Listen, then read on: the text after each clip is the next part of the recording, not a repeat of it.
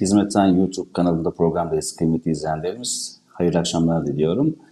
Avrupa saatiyle saat 19 itibariyle birlikteyiz. Şu dakika itibariyle benim her zaman hatırlattığım gibi e, kıymetli dostlarınızı, ulaşabileceğiniz dostlarınızı haberdar edebilirsiniz programımızdan. Canlı yayınlanıyor programımız. Ve program içerisinde bugünkü konu başlığından hemen bahsedeyim. Program içerisindeki sorularınızı da alabileceğimizi de buradan belirtmek istiyorum. E, Türkiye'deki hukuksuzluklar devam ederken, işkenceler ayyuka çıkmış ve diz boyu artarken, hukuksuzluklarla birlikte, işkencelerle birlikte insanların hayatı hiçe sayılırken, hak ve hukuklarımızı, işkencelerin kayıt altına alındığını ve temel haklarımızı konuşacağız bugün kıymetli izleyenlerimiz. Dolayısıyla YouTube üzerinden, gerek Twitter üzerinden, gerek Instagram hesaplarımızdan, hizmetten YouTube ve hizmetten.com hesaplarından, bizim iletişim kanallarımızdan sorularınızı bize ulaştırabilirsiniz. Bugünkü programımızda efendim HRD Genel Sekreteri, Human Rights Defenders Genel Sekreteri Sayın Oğuzhan Albayrak'la birlikte olacağız. Değerli hocam beni duyabiliyor musunuz? Duyuyorum. Hoş bulduk. Hoş geldiniz programımıza. Ee, sıhhattesiniz inşallah. Afiyet olmanızı umuyorum. Teşekkür ederim. Sağ olun. İyiyiz. E, HRD'nin açılımıyla dilerseniz başlayalım. HRD ne demek ve HRD ne zaman kuruldu? Hangi amaca matuf olarak kuruldu? Bunu biraz konuşalım istiyorum sizinle. Tabii ki memnuniyetle. Her şeyden önce e, yayına beni davet ettiğiniz için teşekkür ederim. E, HRD biraz sizin de ifade ettiğiniz gibi Human Rights Defenders demek. İnsan hakları savunucularının İngilizcesi e, kullanmak e, tercihinde bulunduk. E, e, derneğimiz Aralık 2018'de resmi olarak Almanya'da kuruldu. Köln merkezli bir derneğiz. E, fakat faaliyetlerimizi Avrupa çapında da e, yapıyoruz. Ona biraz sonra da değiniriz zaten. E, Almanya'daki yasal mevzuat çerçevesinde kamu yararı statüsümüz var. E, yani bu önemli bir statü dernek faaliyetleri kapsamında. E, amacımız e, evrensel insan hakları beyannamesinde yer alan hakları e, ve Avrupa İnsan Hakları Sözleşmesi'nde de ifade olunan temel hak ve özgürlükleri herhangi bir şekilde renk, cinsiyet, dil, din, e, siyasal veya başka inançlara bakmaksızın savunmak. E, bu konuda hani insan hakları denince zaten e, herhangi bir şekilde bir ayrım yapmak mümkün değil. E, bizim de amacımız bu yolda. E, kurucularımızın e, çoğu 2016 sonrasında yurt dışına çıkmış, yani Avrupa'ya gelmiş insanlarımızdan oluşuyor. Ee, tabii ki bu Türkiye'deki yaşanan e, gelişmelere bağlı olarak da e, bu alanda e, kurumsal olarak da mücadele edilmesi gerektiği inancıyla e, abi ve ablalarımız tarafından kurulmuş bir dernek. E, o halde hemen e, şuna bir değinelim. E, bu manada ne tip faaliyetler yapılıyor ve bu derneğin faaliyetlerini bir açalım. E, bu faaliyetler genel manada ne anlama geliyor?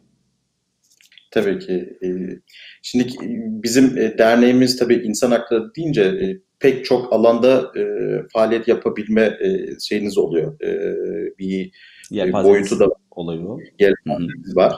E, fakat e, do, takdir edersiniz ki hani e, hem personel açısından hem de e, işte maddi yönden e, küçük bir derneğiz. O açıdan e, bazı alanlarda odaklandık e, ve bazı ülkeler üzerine odaklandık diyebilirim. E, merkezimizde tabii ki faaliyetlerimizin e, merkezinde Türkiye'deki e, insan hakları ihlali var. E, bu hani gerçekçi olmak gerekir e, Türkiye odağında çalışıyoruz ama diğer ülkeler, diğer ülkelerdeki yapılan haksızlıklar, insan hakları ihlalleri de bizim e, bir şekilde dikkatimizde. İşte Yemen var, Myanmar var, Uygurlar var. E, onları da e, kayıtsız kalamıyoruz. E, faaliyetlerimizi bölmek gerekirse hani sağ faaliyetlerimiz var. E, çeşitli gün ve günler münasebetiyle e, düzenlediğimiz sağ faaliyetlerimiz var. Önemli günlerde e, yaptığımız sağ faaliyetler haricinde. E, raporlarımız var. E, insan haklarıyla ilgili ihlallerin yaşandığı e, ve bundan tespit edildiği raporlar yayınlıyoruz, hazırlıyoruz. E, onun haricinde bir de hukuki süreçleri de takip ediyoruz bazı konularda. E, özellikle de işkenceyle alakalı e, hukuki e, dosyalar hazırlıyoruz. Ve bunları e, işte Birleşmiş Milletler başvurulacak düzeyde bir dosya ise Birleşmiş Milletler'in ilgili e, mekanizmalarına, işte Avrupa İnsan Hakları Mahkemesi nezdinde başvurulacaksa oraya veyahut da bazı durumlarda da ülkenin e, hukuki, yaşanılan ülkenin hukuki mevzuatı uygun e, olması durumda da evrensel yargı kapsamında yaptığımız müracaatlar var. Onlara değinebilirim zaten biraz sonra biraz daha da açmak da isterim açıkçası işkenceyle ilgili faaliyetlerimizi. Ee, sağ faaliyetlerine deyince tabii şimdi e, sağ faaliyetleri önemli e, protestolar. E, bunlar hakikaten e, farkındalık oluşturmak ve e, bulunduğunuz yerde şey yap, e, yaşadığınız yerde orta toplumda bunları e, dikkate getirmek için Türkiye'deki yaşanan özellikle de Türkiye'deki yaşanan haksızlıkları dikkate getirmek için önemli. Bu kapsamda biz dernek olarak e, zorla kaçırılmalarla ilgili olarak olsun e, veyahut da çocuk haklarıyla ilgili olsun, kadın haklarıyla ilgili olsun, e, kadına karşı şiddetin önlenmesiyle ilgili olsun e, veyahut da tabii ki insan hakları günü, 10 Aralık'taki insan hakları günü vesilesiyle olsun çeşitli sağ faaliyetlerine imza atıyoruz. Bunu yaparken tabii ki e, dernek derneğimizin gönüllüleri ile veyahut da insan hakları alanda veyahut da bu saydığım maddeler konusunda o alanda angaja olan insanlarla, gönüllülerle e, sahaya çıkıyoruz. E, o önemli. Yayınlarımız var e, dernek olarak. E, özellikle de Türkiye'deki insan hakları ihlalleriyle ilgili bugüne kadar iki tane kitap yayınladık. 19 tane rapor yayınladık ki bu 19 tane raporun 11'i Birleşmiş Milletler tarafından kabul edilen, hani onların standartlarına uygun bir şekilde hazırlanmış raporlar. Bu çok önemli bizim için. Çünkü Türkiye'deki yaşanan mağduriyetleri, bizlerin yaşadığı mağduriyetleri bizim dilimizle, hani bizim ifade yöntemimizle ama Birleşmiş Milletler'in koduyla yazmış olmamız önemli. Bunlar Birleşmiş Milletler'in web sitesinde var. E, arşivine girdi. E, geçmiş yani yıllar sonra dönüp bakıldığında e, 2019 yılında, 2018 yılında Birleşmiş Milletler raporları hangileri var Türkiye hakkında diye bakıldığında bu raporları görecekler insanlar. O açıdan önemli bence. E, bilgilendirme notları hazırlıyoruz. E, çeşitli e, işte kanaat önderlerine Türkiye'deki durumlarla ilgili olarak e, ifade edilmesi gereken söz konusu şey var. Mesela o hal komisyonu ile ilgili bizim bir bilgilendirme raporumuz var. E, bunu güncelliyoruz da e, ilgili kişilere de yolluyoruz. Bir de e, videomuz da var. E, videolar da var tabii ki. Videolar da hazırlıyoruz. Bilgilendirme videoları. Bunun haricinde bunlar bizim yaptıklarımız. Bir de Tabii e, insan hakları alanda diğer dernek, uluslararası kurum ve kuruluşların hazırladığı toplantılar oluyor. Onlara da katılıyoruz aktif bir şekilde. Orada da e, işte konuşmacı olarak katılıyoruz, bilgilendirme isteniyorsa oraya katılıyoruz. E, bu Birleşmiş Milletler nezdindeki yapılan toplantılar, AGİT e, nezdinde yapılan, özellikle de Varşova'da yapılan toplantılar vardı insan hakları ile alakalı olarak. Yine herkese Avrupa Birliği ve Avrupa Parlamentosu'ndaki toplantılara da katılıyoruz. Tabii takdir edersiniz e, son yıl e, bunların hepsi online yapılmaya başladı. Eskiden oralara gidilirdi. Şimdi online oturduğumuz yerde evde e, bir şekilde o konularda konuşmacı olarak katılıyoruz. Biraz madde madde gireceğim Oğuzhan Bey. Ee, diğer kuruluşlarda bağlantı ve toplantılar var. Ben bunların geri dönüşünü çok merak ediyorum. Ama bunu cevaplamadan önce dilerseniz e, o saha faaliyetlerinde e, sadece Almanya'da mı faaliyetler gösteriliyor yoksa farklı ülkelerde de faaliyetler var mı? Şimdi şöyle diyebilirim, biz e, Almanya'da, yani Almanya merkezli bir dernek olduğumuz için Almanya'daki saha faaliyetlerine ağırlık veriyoruz. Hı hı. Tabii Ama bunun haricinde e, işte çeşitli vesilelerle yurt dışında yapılan e, gösterilere de katıldık. Arkadaşlarımızın oradaki yaptıkları gösterileri. Birleşmiş Milletler mesela? E, İsviçre'de, e, Cenevre'de e, eylemlere katıldık. Cenevre'de mesela şunu söyleyebilirim. E, e, bizim işte Cenevre'de iki konfederasyon, Türkiye'de kapatılan iki konfederasyon var biliyorsunuz. Cihan ile Aksiyon İş. E, ara bağlı olarak 28 tane sendika kapatılmıştı. E, bunlarla ilgili biz Cenevre'de ILO, e, Uluslararası Çalışma Örgütü nezdinde e, başvurularımız var. E, çatı kuruluş olarak yaptığımız başvurular var ve bunu yakından da takip ediyoruz. E, Cenevre'de her e, yılın 1 Mayıs'ında Emekçi Bayramı'nda e, sokakta yürüyüş düzenleniyor. E, biz de o yürüyüşe de katıldık. 2019 yılındaki yürüyüşe katıldık mesela. Bu kapsamda hani kayıt olduk. Belediyenin işte o korteje katılabilmek için kayıtlı olmanız gerekiyor.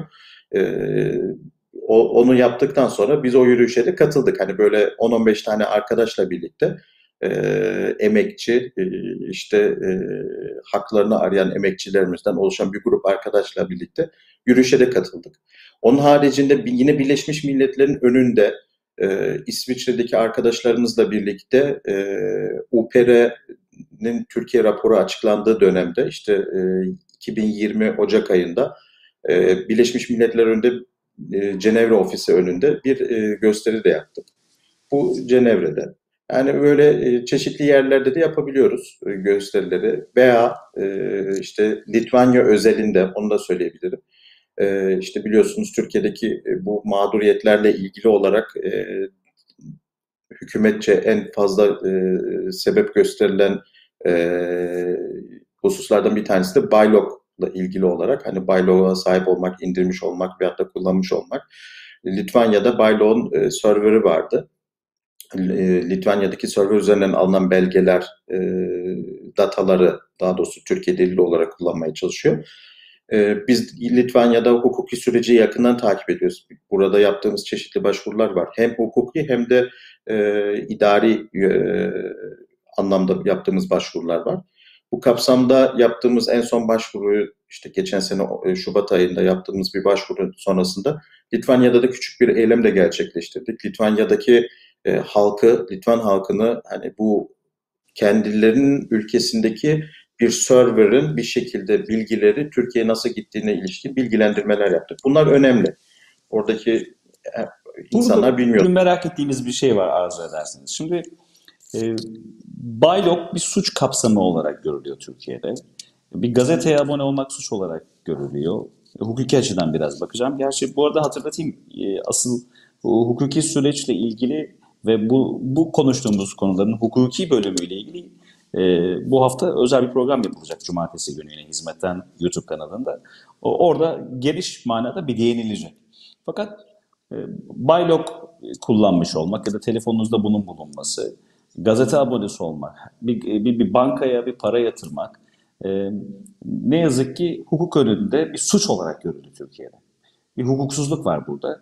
Bunları başka kurum ve kuruluşlarla paylaştığınızda, e, Cenevre'de, Litvanya'da, e, öte yandan Almanya'da, e, farklı STK'larda dile getirdiğinizde oradaki tepkiler ne oldu? E, nasıl geri dönüşler var bu konuda?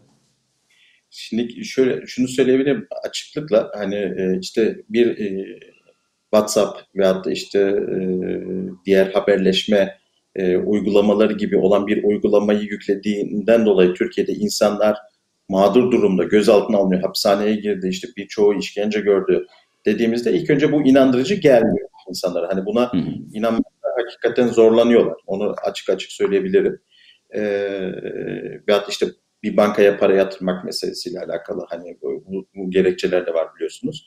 Bunları söylediğimizde inanmıyorlar. Fakat işte o hal komisyonunun e, raporları sonuç itibariyle var. İşte bu gerekçelerle bunlar işlerinden edilmiştir denince bir hani böyle bir anlamakta zorlanıyor batılı Avrupalı hmm. insan. Hani daha doğrusu e, geçtim normal bir insan zihni de zaten bunu anlamakta zorlanır bence. Ama evet. ondan sonraki tepki şu oluyor tabii doğal olarak. E, Türkiye zaten bu. Yani Türkiye'deki bunun hukuksuz olduğunu hani hiçbir şekilde e, işte bir e, Baylok uygulamasını yüklemek veyahut da kullanmış olmak e, de dahil olmak üzere bunun hukuksuz bir şekilde hani e, Türk e, insanına karşı dayatıldığını görünce bakıyorlar zaten. Hani diyorlar ne yapalım hani e, işte Türkiye burası. Yani e, anlamakta zorlanıyorlar ama onu ifade edebilirim. Evet. Ee, şimdi e, diğer kurumlarla geri dönüşleri birazdan daha detaylı açacağız ama asıl ana konumuza biraz da e, yoğunlaşmak istiyorum izninizle. E, Türkiye'deki bu zulmü alt alta maddelemeye çalışsak inanın ben öyle zannediyorum ki e, kitaplar dolusu tıpkı sizin hazırladığınız raporlar ve yayınladığınız kitaplar gibi kitaplar dolusu hukuksuzluk e, adaletsizlikle karşı karşıya kalacağız. E, bunlar arasında temel olarak şu an ön plana çıkan, çünkü sadece kurumların kapatılmasıyla kalmadı bu zulüm. E, hatta e, sivil halkın sahip olduğu e, mülkten ve taşınmazlardan tutun da e, gayrimenkullere varasıya kadar her şeye el konuldu. Dünyanın hiçbir tarafında karşılaşılmamış bir konu bu. Hatta ben e, biraz daha böyle e, olayı bir gazetecilik tarafıyla değerlendirecek olursam, Türkiye'de Türkiye'nin başının belası olan e, PKK sempatizanlarının bile mallarına, mülklerine el konulmadı şimdiye kadar. Fakat sadece farklı düşünüyorsunuz diye, diğerlerinden daha e, e, A değil de B rengini temsil ediyorsunuz diye diye ifade edeyim. E, malına mülküne bile çöküldüğünü gördük yani. Bu, bu, ta, tam anlamıyla böyle oldu Türkiye'de. Hatta öyle bir hale geldi ki e, insanlar kaçırıldı. E, ve bu suçsuzca tutuklanmaların yanı sıra e, ne yazık ki kim vurduya gitti diyebileceğimiz cezaevlerinde şaibeli ölümlerle karşılaşıldı. Şu anda da ciddi manada işkencelerin devam ettiğini görüyoruz. Ve bunlar raporlu bir şekilde gözümüzün önünde. E, işkenceler ekseninde biraz konuşacağım. Bu, bu başka bir şey çünkü artık belki bir, bir, bir konuda malınızdan vazgeçebilirsiniz. Bir konuda e, sahip olduğunuz her şeyden de vazgeçebilirsiniz ama e, söz konusu işkence olunca e, burada artık akan sular duruyor. Bu işkencelerin olması ve devam etmesi nasıl kayıt altına alınıyor? Ve gerçek manada bu, bu, bu kayıtların bir geçerliliği, bir anlamı, yarın öbür gün bir karşılığı var mı?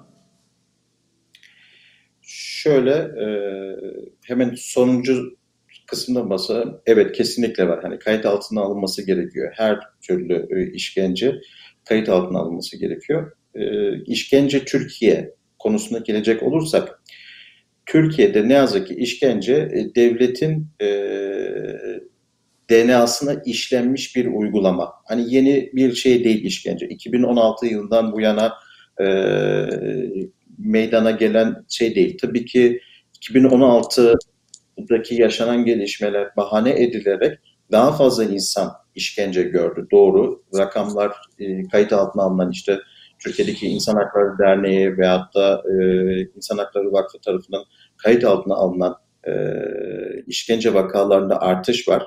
E, hani bunu hiç kimse inkar edemez. Fakat e, işte Türkiye'de 1970'lerden e, tutun 1980 darbesinden sonraki dönem 90'larda doğuda ve Güneydoğu Anadolu'da yaşananlara baktığınızda e, her daim bir işkence gerçeği vardı e, Türk devletinin vatandaşlarına, kendi vatandaşlarına e, reva gördüğü bir işkence uygulaması var ne yazık ki.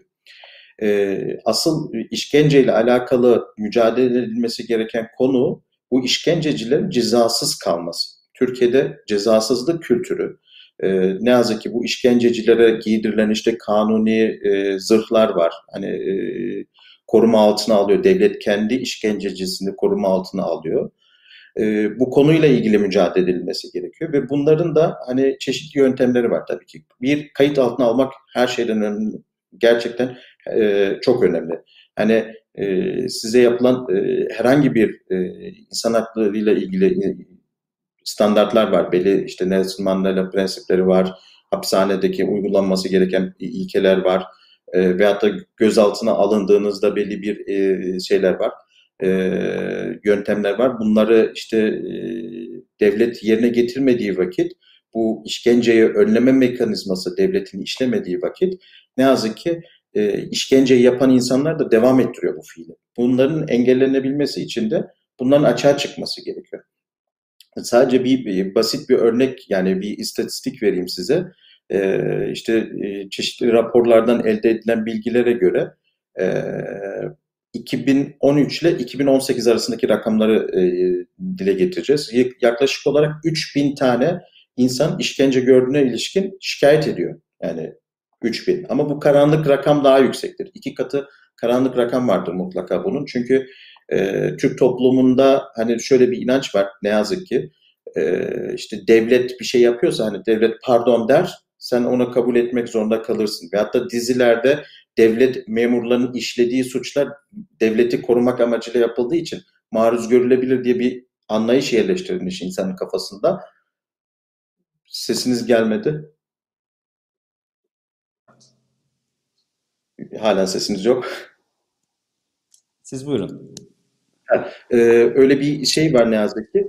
Ee, onun için karanlık rakam her zaman daha fazladır. Fakat 2013 ile 2018 yılları arasında değerlendirdiğimizde 3000 tane şikayet var. Bunların ancak ve ancak 1400'ü yaklaşık olarak 1400'ü soruşturmaya açılıyor. Bu 1400'ün 177 e, tanesi soruşturması neticelendiriliyor ve sadece ve sadece yıllık ortalama 13 tane memur ceza alıyor. Hani 3000 şikayetten 13 tane memur ancak ceza alıyor. Ondan sonra tabii ki doğal olarak helikopterden atma vakaları da yaşanır. Ee, veyahut da işte e, evine baskın yaptığınız bir tane işte e, insana köp köpekler işte e, koruma köpekleri ısı, e, şey yapılır hani saldırtırılır. Bu, bu şeyler yani e, bu, bu, bu yapılıyor ne yazık ki Türkiye'de. Onun için devletin DNA'sına işlemiş bir e, şeyle uğraşıyoruz. Bir hastalıkla mücadele etmeye çalışıyoruz biz. E, orada işkence görenlerin, işkenceye maruz kalanların tabii ki bunu kayıt altına almaları, bu konu hakkında her aşamada hani gözaltı aşaması, ifade aşaması, mahkeme önünde nöbetçi hakim önündeki ifadeleri veyahut da işte davası görüşülmeye devam ettikçe ısrarlı bir şekilde bu konuya dikkat çekmesi önemli.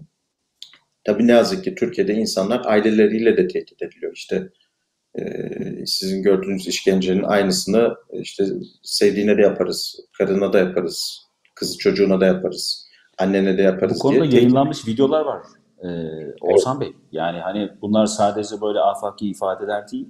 Bu konuda e, bunları hatta zulmü, işkenceyi uygulayan şahısların kendileri tarafından kayıt evet. altına alınmış olan ifadeler var ne yazık ki. Evet ne yazık ki öyle ifadeler yani adamlar cesurca bir şekilde çıkıyorlar. Bizler insan hakları savunucuları onlardan daha cesur olmamız gerekiyor. Daha cesur olmaya da çalışıyoruz. Ee, biz dernek olarak e, işte o çeşitli isimler var zaten hani kamera karşısına çıkıp işte bundan kafasına sıkacaksın şöyle yap böyle yap falan diyenler var ya. Onlarla ilgili biz bu raporları Birleşmiş Milletler sistemlerine yani mekanizmalarına iletiyoruz. Ee, veyahut da o kişi yani özellikle de mesela polis ve savcıysa bunu ifade eden kişiler açık açık e, onların e, bir şekilde görev yaptıkları yerlerde işkence gören kişileri tespit ederek e, bunları uluslararası mercilere taşımaya çalışıyoruz.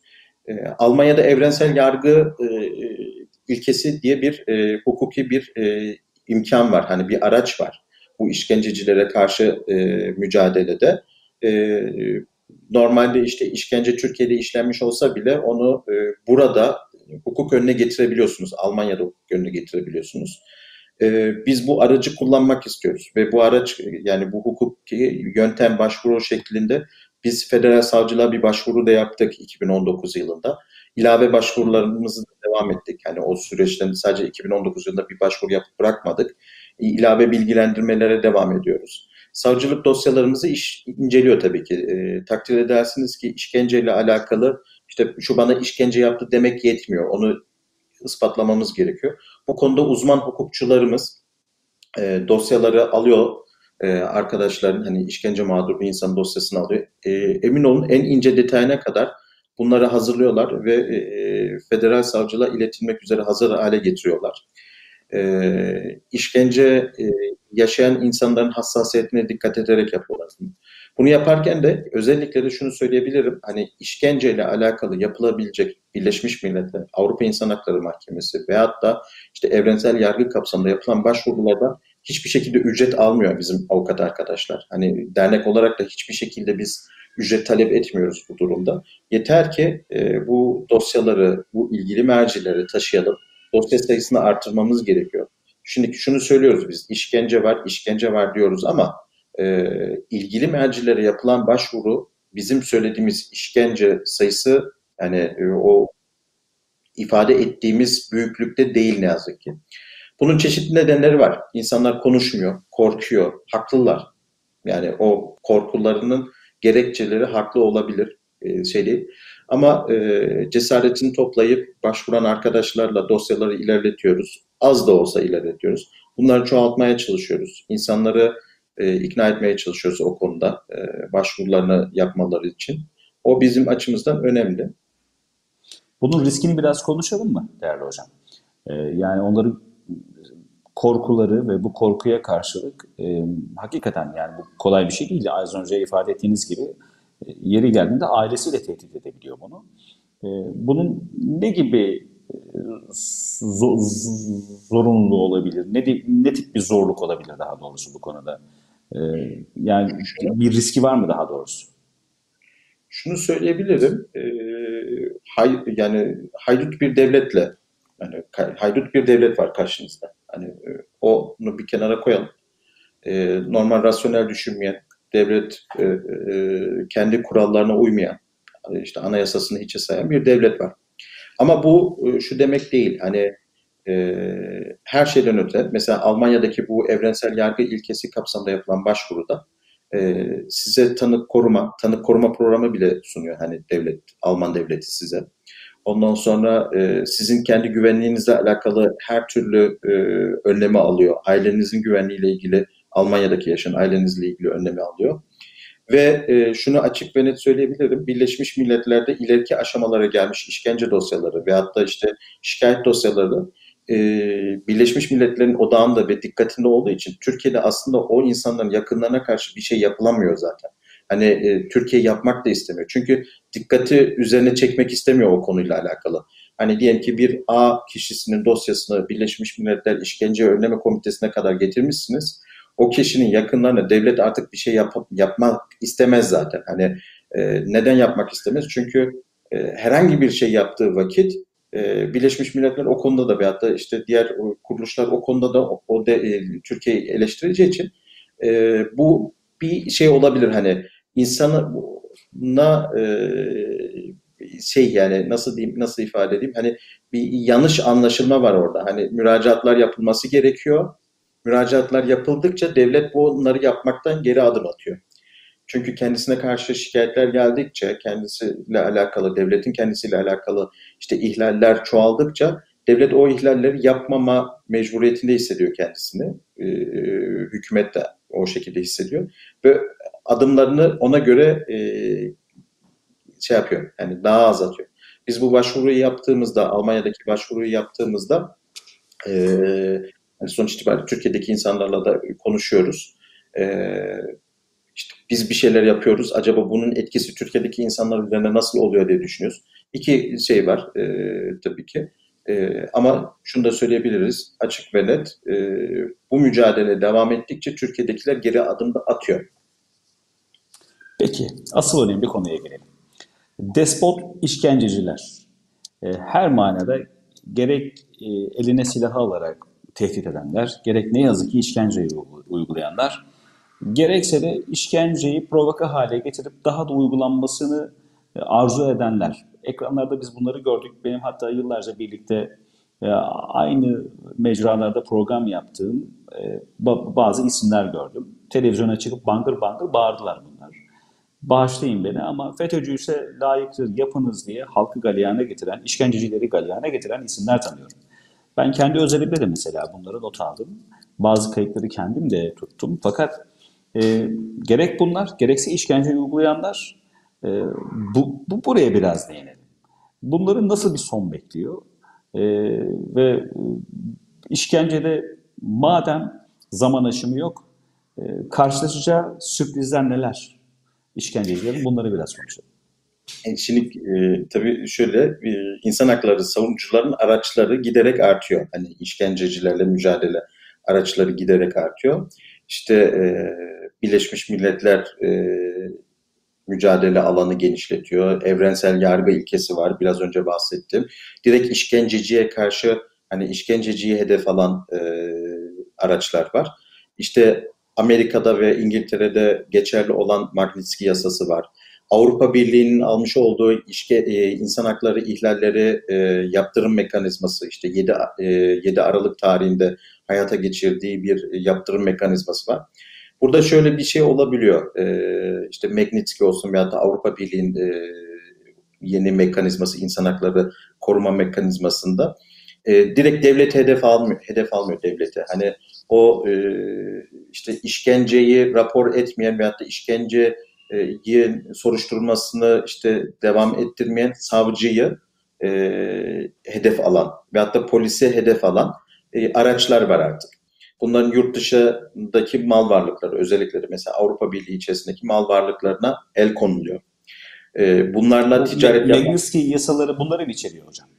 Tabii tabii. Yani şöyle Magnitsky yasası Amerika Magnitsky yasası Amerika ve belli başlı e, ülkeleri ilgilendiriyor. Bir de Avrupa Birliği'nin çıkartmış olduğu e, Magnitsky'ye muadil ama Avrupa Birliği'nin kendi e, sistemi içerisindeki bir e, yaptırım mekanizması var.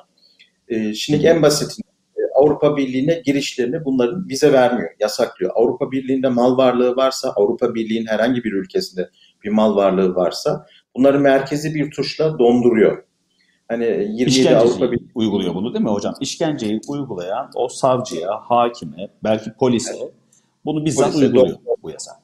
Bunu o uygulayabiliyor. Bunlarla ilgili olarak tabii ki müracaatların yapılması lazım. Tabii ki her müracaat da işte belli bir e, sistem içerisinde yapılması gerekiyor.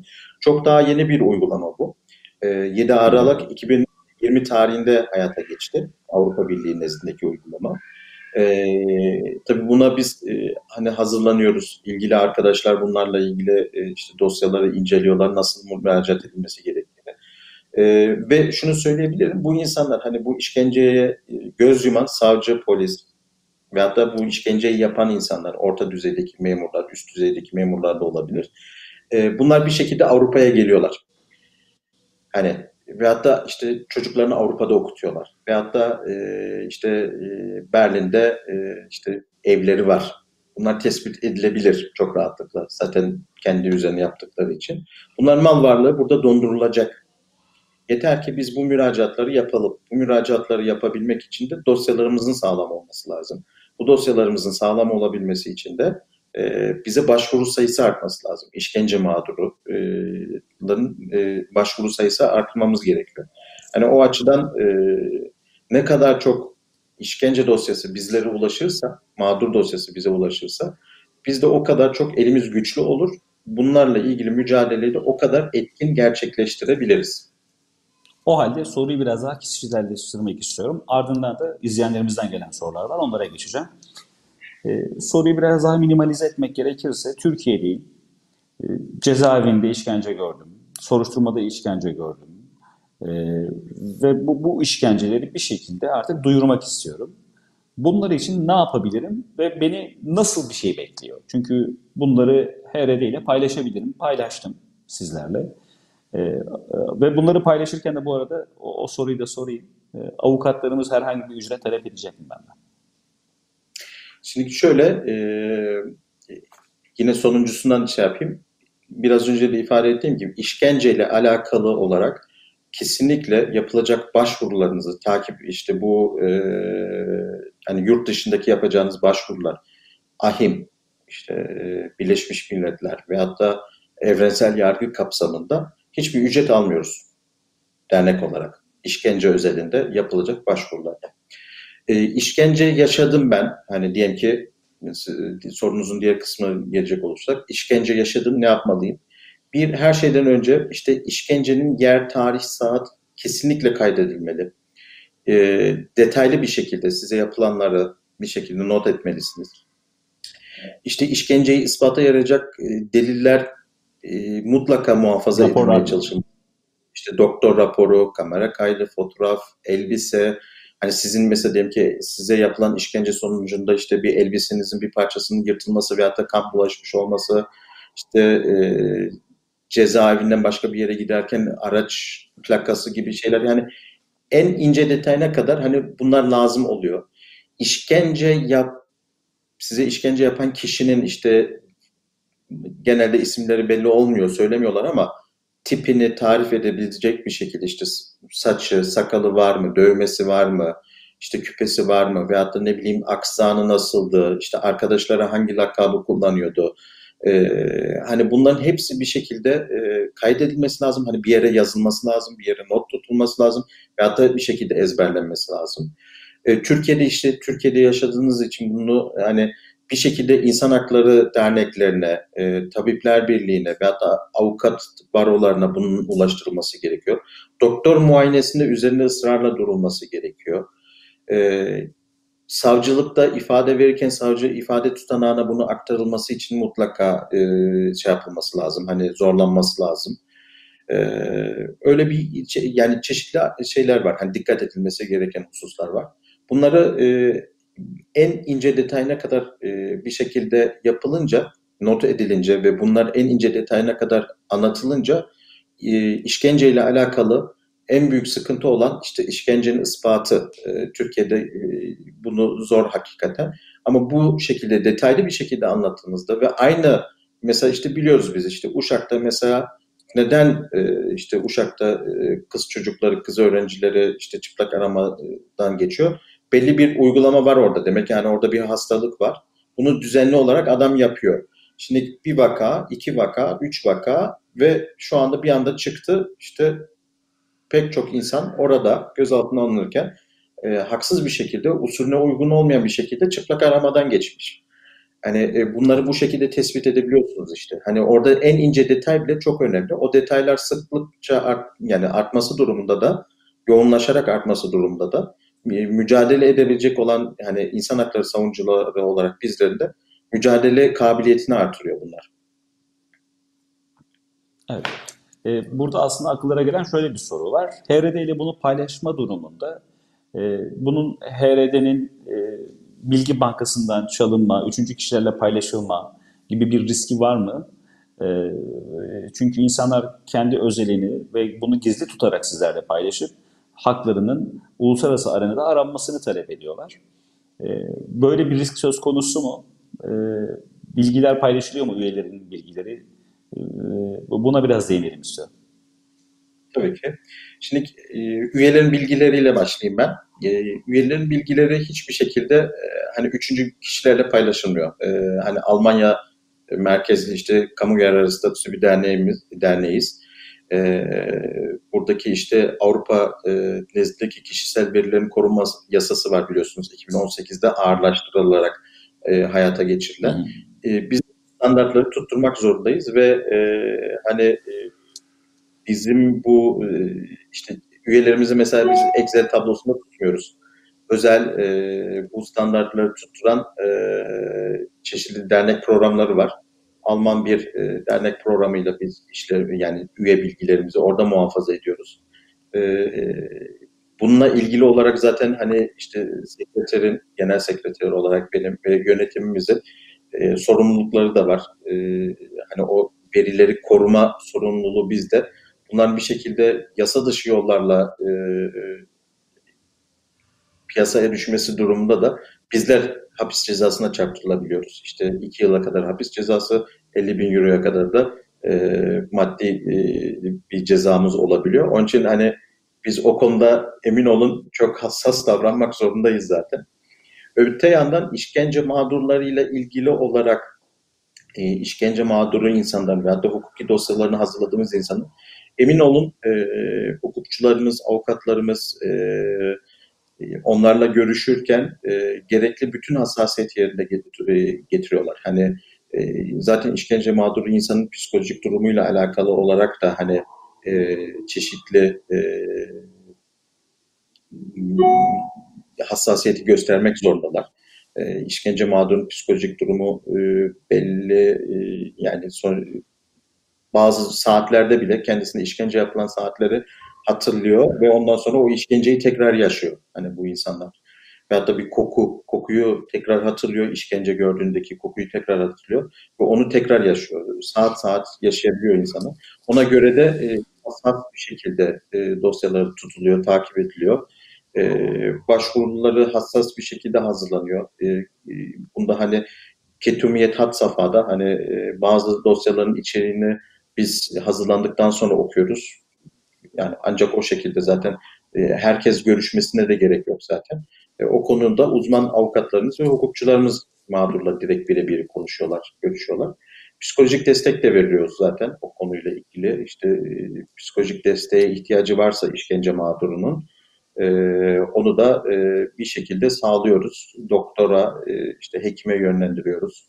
E, danışmanlara yönlendiriyoruz. Psikiyatrilere yönlendiriyoruz ve e, kendisini rahat hissetmesini sağlamaya istiyoruz açıkçası. Tedavi de olması evet. gerekiyor zaten. Ee, gelen sorular var izleyenlerimizden. Ee, efendim tekrar etmek gerekirse HRD Genel Sekreteri Sayın Oğuzhan Albayrak'la birlikteyiz bugün. Ee, işkenceleri, işkencelerin kayıt altına alınmasını, işkencecileri bekleyen sonu konuşuyoruz. Ee, soru şu şekilde.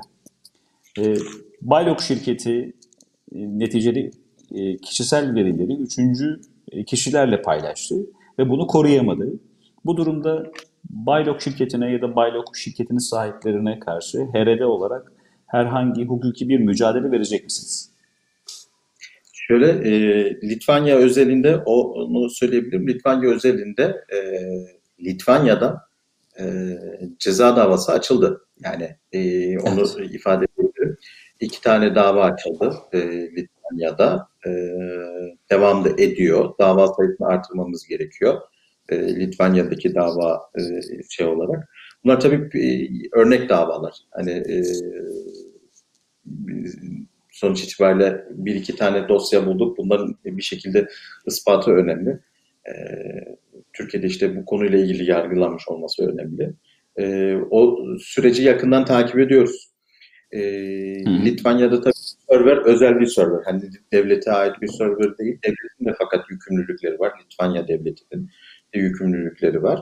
E, o belgeleri bir şekilde yani dataların daha doğrusu e, işte nasıl gidildiğine ya da Türkiye nasıl geçtiğine ilişkin açıklama sorumluluğu var. Tabii e, bunun bir sonraki aşaması Litvanya'ya karşı işte ahim süreci veyahut da Avrupa Birliği Adalet Divanı süreci de var. Yani data protection kapsamında. Hani biz biraz önce ne dedik? Yani bizim derneğin bu verilerin başka birisinin eline geçmesi durumunda ben şahıs olarak bu kadar sorumluyken devletin sorumluluğu da var tabii ki doğal olarak. Ee, işte Avrupa Birliği Adalet Divanı veyahut da Avrupa İnsan Hakları Mahkemesi şeklinde e, hukuki süreçler e, başlatılmış durumda zaten. Ama Litvanya aşamasındayız şu anda da. Hani orayı tamamladıktan sonra e, eğer e, tabii ki uygun görülmeyen bir karar çıkmışsa e, bunlarla ilgili Avrupa nezdinde de çeşitli girişimlerde, hukuki girişimlerde bulunacak. Evet. Şimdi söz konusu işkence olunca dünyanın birçok tarafında işkence görenler var e, Türkiye'de. E, ve bu, bu işkencelerle ilgili de artık temel haklarını da bir şekilde korumak isteyenler söz konusu. E, HRD'ye dışarıdan bu konuda üye olabiliyor muyuz denmiş. Ve bu çalışmalara destek vermek için de neler yapılabileceği bir, bir diğer soru. Şimdi şöyle, e, üyelik önemli. Bizim için e, kesinlikle e, üye sayımızı arttırmak şu açıdan önemli. Bir, e, yani dernek olarak, sivil toplum kuruluşu olarak üye aidatlarıyla faaliyetlerinizi devam ettiriyorsunuz. Bizim e, İnsan Hakları Derneği olarak üye aidatımızı e, belirlerken, hani konu insan hakları konusu olunca biz düşük tutmaya çalıştık. E, aidatımız e, yani en düşük aidatımız aylık 1 euro, yılda 12 euro ediyor. Yani onu ifade edebilirim. Web sitemizde üyelik formu var. Onu doldurup bize işte e, yine o üyelik formunda ifade edilen veyahut da o bölümde e, sekmede ifade edilen bir mail adresimiz var. contact at humanrights.com veyahut da infoya da atabilirsiniz hani bununla ilgili olarak. E, doldurmanız hani doldurup bize göndermeniz şu açıdan da önemli. Hani üye aidatını e, geçelim. E, üye sayımızla ilgili uluslararası kuruluşlarda bilgilendirme yaptığımızda derneğimizin güçlü olduğunu, e, buna inanan, hani derneğin faaliyetlerine inanan, derneğin işte yapmak istediği faaliyetleri destek veren insanın çokluğunu göstermesi durumda karşımızdaki muhatap da bize ona göre şey yapıyor, değerlendiriyor yani onu söyleyebilirim. O, o açıdan önemli. E, giderek artıyor. Yani Allah şükür e, üye sayımız hani iyi bir rakamlarda. E, daha fazla olması durumunda tabii bizim işlerimizi daha farklı alanlara e, yansıtabilme olana gelecek bize. E, o açıdan önemli bence. E, artırmakta yani e, işkencelerin artması... son bulması için ve işkencecilerin de e, müeyyideye yani yaptırımı olabilmesi için zannediyorum üye sayısının daha da artmasında fayda var. Bunun için e, web sitenizde o bilgiler mevcut zannediyorum. Evet, web sitemizde var. Hani şöyle... E, web sitemizde hem, zikredebilir miyiz hocam? Tabii ki. Ben linki paylaşayım. Hemen. Evet, şu anda arkadaşlarımız da linki paylaştılar. hrd.com mu acaba onu da bir alalım sizden istiyorum ben aynı zamanda. Bu hızlı iletişimi de sağlamak istiyorum izleyenlerimizle. www Evet. Human çizgi ev.com Evet. Evet, Human Rights çizgi ev.com adresinden e, Aynen. ulaşabilecekler. E, bu konuda üye, üyelik sayısı bu konuda önemli. E, aynı zamanda buradan yine HRD ile destek ve e, faaliyetlerine destekte de bulunabilirler diye düşünüyorum. Tabii ki memnuniyetle. Hani biz çünkü üyelerimizin aktif bir şekilde bizim faaliyetlere katılmasını da istiyoruz. Ee, hani tabii ki bütün üyelerimiz işte her üyemizden işte bir e, rapor yazmasını beklemek doğru olmaz. Ve hatta evet. e, işte her üyemiz sokak eylemine çıkamaz. Ama yapabileceği tabii ki yapabileceği şeyler vardır. Hani o konuda e, bize e, her türlü şeyde hani video hazırlanacaktır, video işte kesmesini bilen arkadaşlar ve hatta e, işte bir şekilde yazı yazabilen insanlara ihtiyacımız var. İşte hesaplarımızı güçlendirmek, sosyal medya hesaplarımızı daha da aktif edebilmek için arkadaşlara ihtiyaç duyuyoruz. sonuç itibariyle bu hani bir gönüllülük hareketi ve gönüllü yapılan faaliyetler neticesinde bazı hukuksuzlukları karşısına geçebiliyoruz. orada en e, küçük bir e, katkının bile e, karşılığı inşallah çok iyi, e, güzel olacaktır diye ümit ediyorum. Çünkü ortada ciddi bir hukuksuzluk ve işkenceler var. Bunlara bir dur demenin e, bir şekilde herkes kendi kabiliyetine göre e, bu buna katkıda bulunmalı diye düşünüyoruz. Şimdi program içerisinde e, zikretmiştiniz ama bir daha sorulmuş. Bugüne kadar e, kayıt altına alınan işkence sayısını sormuşlar. 3000 civarındaydı diye e, doğru mu duydum acaba? Şöyle, e, yok. E, 2016 tarihinden sonraki işkenceci, yani işkence vakalarını, hapishanedeki tespit edilen işkence vakalarını e, şey yapalım. E, İnsan Hakları raporlarının, yani İnsan Hakları Derneği'nin raporuna göre 2016'dan sonra e, Haziran 2020'ye kadar hani o 4 yıllık, 3,5 yıllık süreçte e, resmi olarak kaydedilen e, 7139 tane işkence vakası var. İşkenceci sayısı ne peki? İşkenceci sayısı, bizim tespit ettiğimiz işkenceci sayısı 412 civarında. Yani 412. 412 civarında. 412. Bunlar, bunların içerisinde tabii e, yani işkenceye şahitlik etmiş olan insanlar da var. Hani şahitlik etmiş ama bir şey yapmamış. Ve hatta hani bir fiil işkenceye karışmış işken e, şey olarak memur e, sayısı 412 e, tane memur. E, bunlarla ilgili biz yakından takip ediyoruz bunları. Hani gittikleri yerde de işkence vakaları artmış mı bir şekilde. Ve hatta e, işte, Zonguldak'taki bir işkence vakası var. Dosyayı takip ediyoruz. Onun işkence mağdurunu tarif ettiği veya ismini bildiği bir işkenceci İstanbul'a tayin olmuş ve İstanbul'daki dosyada da karşımıza çıkıyor. Hani aynı isim. Mesela onları karşılaştırıyoruz. Bunları takip etmeye çalışıyoruz. Ee, ve hatta işte bazı emniyet müdürleri işte bir yerden bir yere geçerken oradaki işkence vakaları artıyor. Yani onları takip etmeye çalışıyoruz. Bunlar tabii ki böyle e, sadece e, şey değil, hani uzmanların da bakış açısıyla farklı perspektiflerden de meseleye bakılıyor. Yani e, mücadele ederken işte ürünler arası e, bir e, mücadele diyebilirim buna. E, o şekilde takip edilirken de e, bunlar kayıt altına alınıyor. Ee, biz buna devam edeceğiz. Hani onu da söyleyebilirim. Biz bunu korkmadan e, bunun üstüne gideceğiz. Yani dernek olarak, şahıs olarak ben bunun sonra yönetimdeki arkadaşlarımız, gönüllülerimiz de bu konuda hani e, avukatlarımız, hukukçularımız bunun üzerine gidiyor. Gitmeye de devam edecekler. Ta ki bu son bulana kadar hani bu e, hastalık e, DNA'sına, devlet DNA'sına işlemiş bu işkence hastalığı Türkiye'den yok olana kadar E, biz bunlarda e, kararlı bir şekilde e, faaliyetlerimizi sürdüreceğiz. Tabii ki. Evet. Yani öyle Diğer bir soru var. Sonlara doğru gelmişken de ben tabii e, sizden böyle hemen e, cevapları da alma derdindeyim bir yandan. E, Sayın Oğuzhan Albayrak bugünkü misafirimiz, kıymetli izleyenlerimiz. Türkiye'deki işkenceleri kayıt altına alınıyor, işkenceciler kayıt altına alınıyor ve işkenceciler takip ediliyor.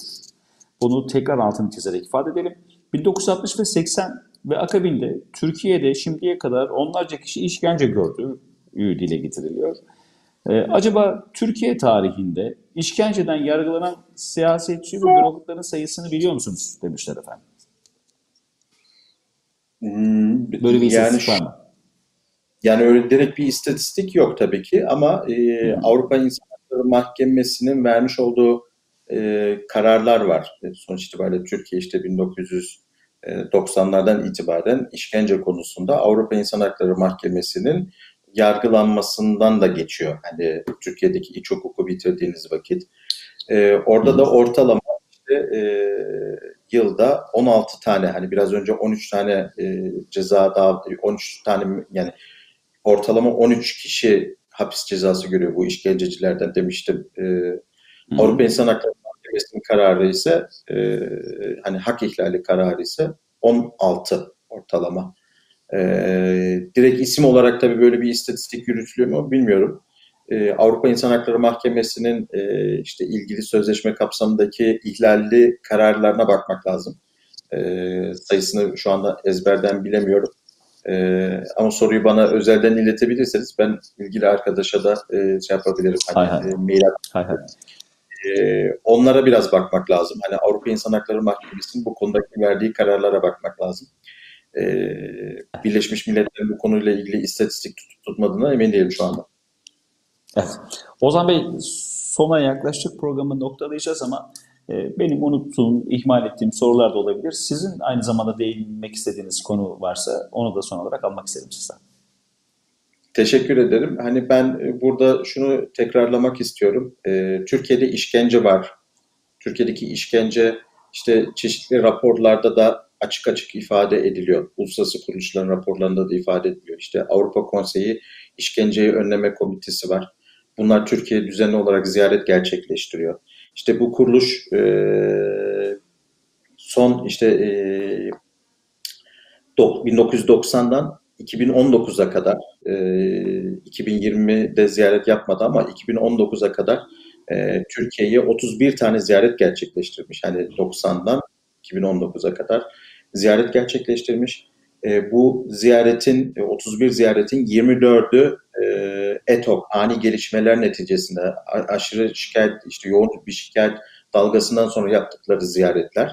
Yani e, bu bile gösteriyor ki Türkiye'de bir işkence şey var. Bu kur, bu komite e, her ziyaretten sonra rapor açıklıyor, rapor hazırlıyor işkenceyle alakalı ve Türkiye'de 2016 ile 2018'deki ziyaret sonucundaki gerçekleştirilen raporu yayınlayamadılar. Niye? Çünkü Türkiye devleti bunu engelliyor. Hani engellemesinin sebebi de işkence bulgusu olduğundan dolayı engelliyor.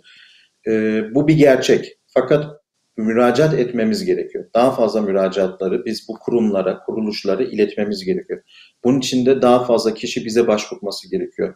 Dosyaları bizim avukatlarımız, hukukçularımız hazırlaması gerekiyor. Bu konuda açıkça hani e, buradan hani sizin aracılığınızla da duyurmak istiyorum. E, lütfen işkence konusunda hani bunun e, işkence mağduru değil, işkenceci utanması gerekiyor. Daha fazla işkence yaşanmaması için bunun bir insan hakları savunucuları, avukatlar, hukukçular aracılığıyla önüne geçebilmemiz için dosya sayılarımızın artması gerekiyor. İlgili kurum ve kuruluşları, Birleşmiş Milletler, Avrupa İnsan Hakları Mahkemesi, Avrupa Konseyi, e, bunlara başvuru yapabilmemiz için bize başvuru yani dosyaların artması gerekiyor. Burada çağrıda bulunuyorum. Hani lütfen bizlere ulaştırın. E, emin olun e, hani e, en ince hassasiyetle dosyanız ve sizinle görüşmeleri o şekilde gerçekleştiriliyor. Hani bunu son bir kez söylemek ve altını çizmek istedim. İnşallah. Bu cesur davranışınız ve bu cesur çalışmalarınızdan dolayı biz sizlere muvaffakiyetler, başarılar diliyoruz. Bu konuda e, şu an gerek bizi izleyenler, e, gerekse de vicdanlarında hissedenler e, bizim temel durumumuzun bu konuda HRD'ye üye olmak, HRD'yi maddi manevi manada desteklemek ve varsa inşallah olmaz tükenir tamamen. Varsa işkenceler, işkencelerin tespit edilip sizinle paylaşılması olduğunun altını bir kez daha çizmek istiyorum. Ee, Sayın Ozan Albayrak'a tekrar teşekkür ediyorum e, katılımınız e, e, için. E, programı noktalamadan önce de izleyenlerimizle hemen paylaşmak istiyorum. Hizmetten YouTube kanalındaki yayınlarımız sürüyor. Yarın saat 19.30'da kıymetli izleyenlerimiz Hizmet Konuşmaları programımız ekranda olacak. Ee, Avrupa saatiyle 19.30'da Hizmet Konuşmaları programını Naci Tosun Beyefendi takdim edecek. Cumartesi günü ise bugünkü konumuzun biraz daha hukuki yönlerini e, konuşmak üzere, dillendirmek üzere yine saat 19.30'da Cumartesi günü hukuksuzluğa karşı nasıl mücadele edilmeli başlığı altında efendim Avukat Nurullah Halbayrak ve Avukat Fikret Duran yine Hizmetten YouTube kanalında olacaklar. Ee, Cuma ve Cumartesi özel iki yayını da hatırlatmak istiyorum. Tekrar görüşmek üzere efendim. Allah'a emanet olun. Hoşçakalın.